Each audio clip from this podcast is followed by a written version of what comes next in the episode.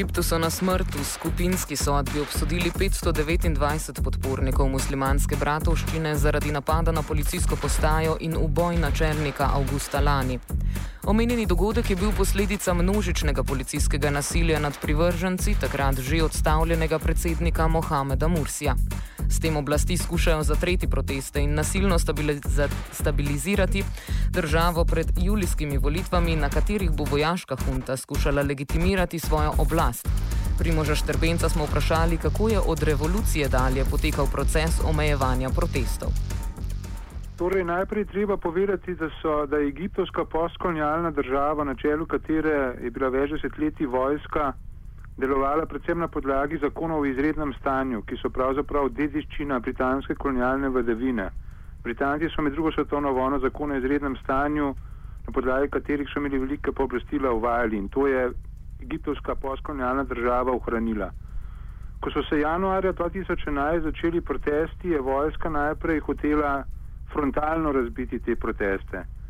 Ko pa je videla, da so te protesti vendarle kvantitativno preveliki in da so se v njih združili tako islamistični kot neislamistični protestniki, je začela igrati neko veliko bolj subtilno igro. Eh, formalno je sicer žrtvovala glavo vojaškega režima Hosnija Mubaraka, kar je ustvarjalo neko tisto, da se je režim zrušil.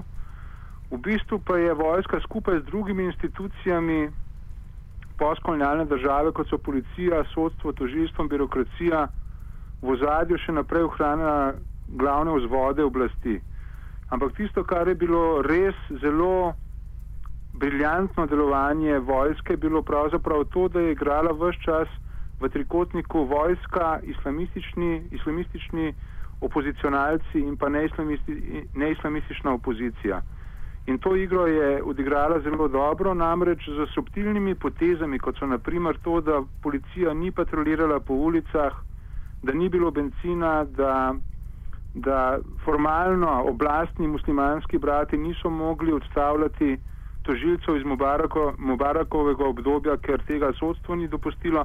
Torej, z neko subtilno akcijo za zade je dosegla, da je na, na koncu prišlo do vrelišča na od, odnosu med islamistično opozicijo oziroma formalna oblast in pa neislamistična opozicija.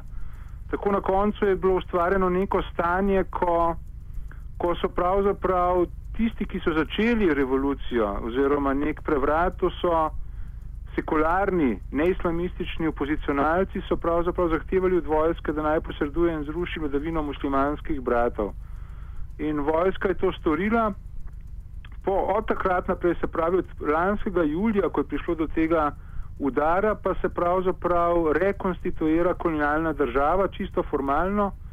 Zopet so bili uvedeni zakoni v izrednem stanju, zopet se je začelo z vsemi sredstvi toči po islamistični opoziciji, tako da imamo danes uh, več ali manj obnovljeno stanje pred kakršno obstajalo pred letom 2011, z eno pomembno razliko, da je ljudstvo, ki je imelo leta 2011 veliko energije in je bilo pripravljeno na velike spremembe, je, je danes zelo utrujeno in naveličeno nenehnih političnih prevratov, tako da več ali manj hočeš nočeš podpira uh, torej vojaško vladanje.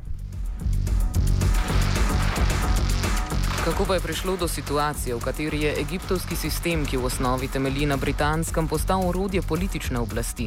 Nadaljuje Štrbenc. Kolonialna država, to je britanska kolonialna država, je te institucije veliko krat izpostavljala zato, da bi služili britanski oblasti.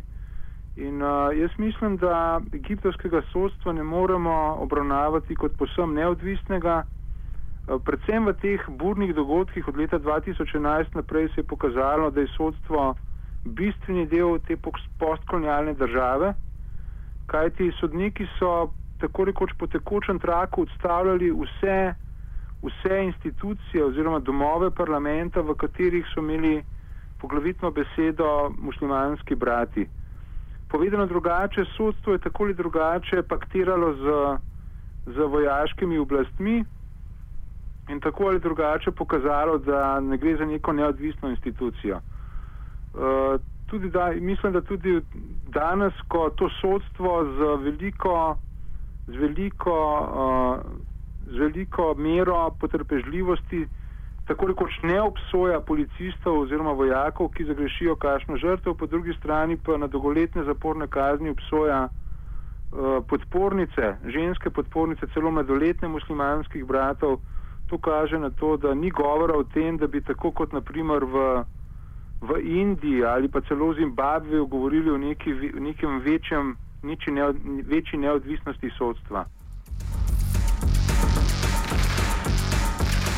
Čeprav je največji fokus na ekstremnih primerih, kot je trenutna situacija v Egiptu, pa se zatiranje in kriminalizacija protestov po potrebi dogaja tudi bliže nam.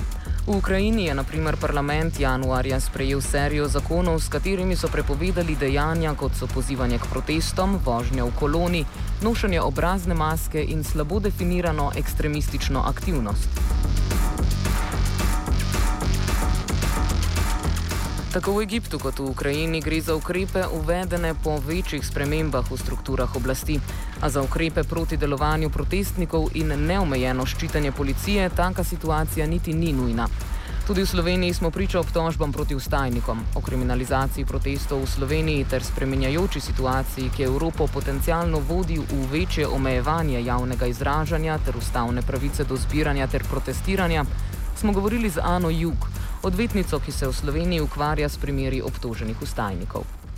Poglejte, pri nas je kriminalizacija protestov jih tako problem, po moje, kot po celem svetu oziroma v Evropi. To oblasti ni všeč, ker protest je v bistvu, protest je eh, izvrševanje ustavne pravice javnega izražanja in javnega nastopanja.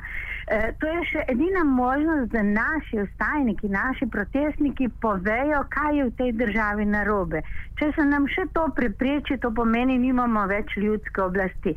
In zato je po moje hoče država te proteste preprečiti. Preprečuje jih pa na različne načine.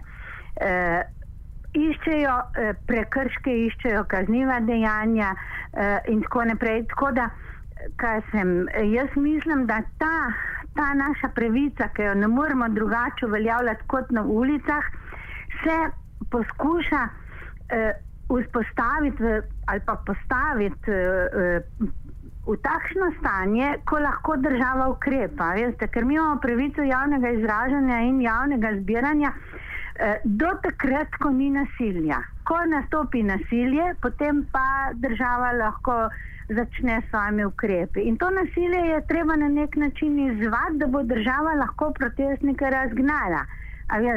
In eh, to nasilje je od nekje izazvano. Eh, jaz zastopam kar precej ustavnikov in jaz sem sigurna, da ni izzvano iz njihove strani, zaradi tega, ker dejansko. Eh, tudi ni nobene zdrave logike, da bi šli protestirati, pa delati kazniva dejanja. Mi smo šli, oziroma naši ustajniki so šli protestirati proti tem devijatnim ravnanjem, ki jih je država naredila. Ne, niso šli delati na ulice kazniva dejanja.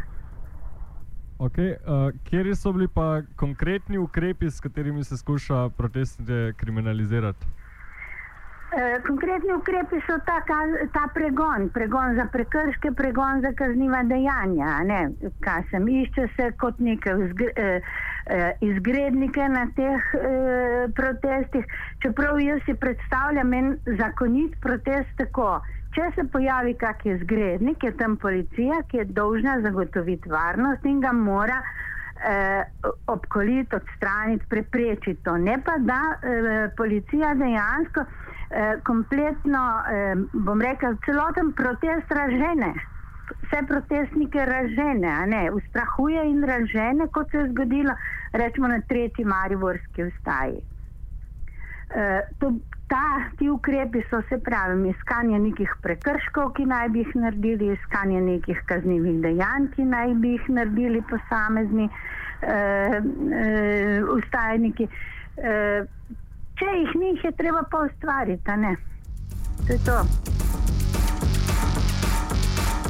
Pri prvo omenjenem egiptovskem primeru gre za popolno politizacijo sodstva, kar je popolnoma v nasprotju z načelom delitve oblasti, kjer naj bi bilo sodstvo popolnoma neodvisno. Ana Juk nadaljuje o tem, ali se je tudi pri nas povečal vpliv politike na sodstvo če bi bili vsi procesi že končani ali pa glavnina procesov že končana, bi bila ta le moja ocena lahko zelo egzaktna. Ker pa ti procesi še niso končani, ne, še zmerom lahko razmišljamo, da bo. Eh, bom tako rekla, v navednicah, marsikje zmagala pravica. Ne? Če pa eh, gledam na vse izdane plačilne naloge, ki niso majhni, pa prekrške, ki so jih ljudem, tem ustajnikom in demonstrantom pripisali.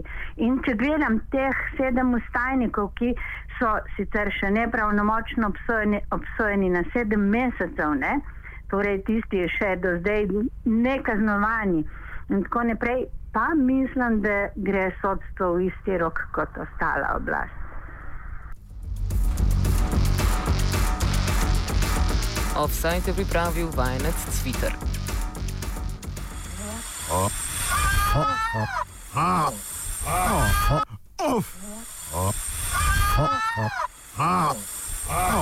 Offside.